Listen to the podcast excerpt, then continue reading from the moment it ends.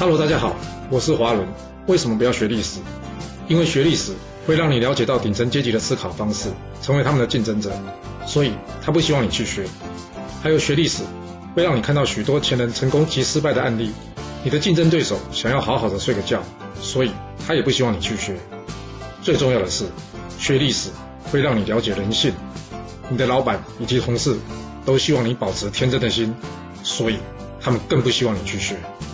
就是因为这些原因，接下来我要跟你说的是故事，而不是历史。今天主题是嚣张没有落魄的酒。我们刚刚在春秋第一百一十二集的故事中有讲到啊，这嚣张的晋国晋士领导人智尧啊，先是羞辱着赵无恤啊，后又调侃着韩虎啊，最后呢，他要韩赵魏三家交出封地。这一切一切啊，最主要原因就是什么？他是晋国最大家族啊。因为其他三个家族不敢反抗他，所以呢，他就可以这样为所欲为。啊，真的是这样吗？最后三家分晋的可是韩赵魏三家哎，并没有听到字事哎，怪不得俗话说嚣张没有落魄的酒啊。但真的是这样吗？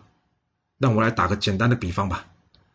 一个站在太阳底下的人啊，看着站在黑暗里面的人，他能看见什么？反过来，对方能看见他什么？这嚣张的人啊，由于根本不在乎别人的看法，他不会隐藏，甚至啊，对潜在的危机啊，也不会去做准备。所以呢，就像是个站在阳光底下的人。相反，懂得内敛或是隐忍不发的人呐，则像是站在暗处的人一样。若要双方评估对方，你觉得哪个人能把对方说得更清楚一点？再套句《孙子兵法》说的：“想要打胜仗，那就得精确计算对手的状况。”多算胜，少算不胜，也就是呢，针对作战能纳入评估计算的事情越多啊，那获胜的几率也就越高。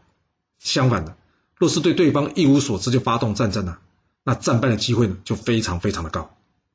那你觉得气焰嚣张的人能看得清楚对手吗？所以才会说嚣张没有落魄的酒啊。毕竟呢，恶人终会有恶人治嘛。或许你会说，谁说嚣张没有落魄酒？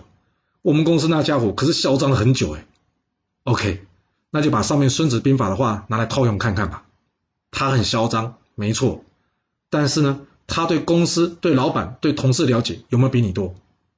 要是有，那就是仍旧掌握了战胜你的资源，不是吗？看看今天的故事中的韩魏两家，对于嚣张的姿势，他们怎么应对啊？他们选择是什么？认清现实，交出封地，不是吗？只要资源还在对方那。或是你还没有清楚对抗策略，自然就只能暂时容许对方嚣张放肆了，要不然随便开战，吃亏的可能是自己啊。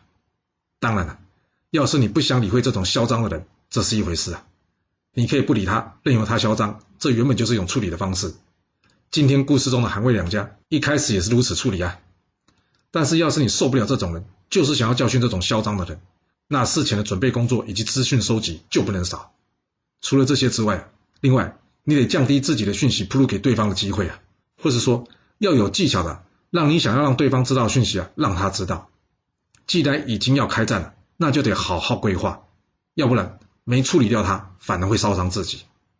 另外最重要一点是，及时准备好了，这发动的时间点呢，也需要考虑再三啊，千万不要在没有准备好或是时机不对的前提下对人家开战了，呛回去啊，跟他对骂可能会爽到一时。但可能换来却是后患无穷。至于很厌倦这种职场斗争、不想战又不想忍的人，或许可以考虑换个工作。毕竟我们不是生活在古代，不容易换老板；又或者是说，我们生活在豪门大家，没有办法放弃现在的资源或是家业。我们实在没有必要把美好的人生浪费在处理这种人或这种事上，你说是吧？其实不管是谁啊，在职场上一定要记得：逢人只说三分话，未可全抛一片心呐。要不然。真心换绝情这种事啊，可不是只会发生在男女朋友之间呐。口无遮拦或者不经大脑思考的说话，基本上跟嚣张跋扈的状况已经差不了多远了。都是将自己暴露在阳光之下，让你对手可以随随便便、轻轻松松掌握你的状况。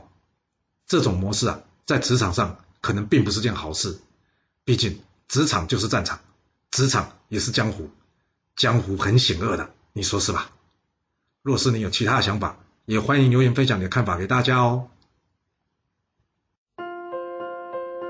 好啦，我们今天先说到这。如果你就是不听我的劝，想知道完整版的故事内容，你可以从说明栏找到我爱故事频道的连结。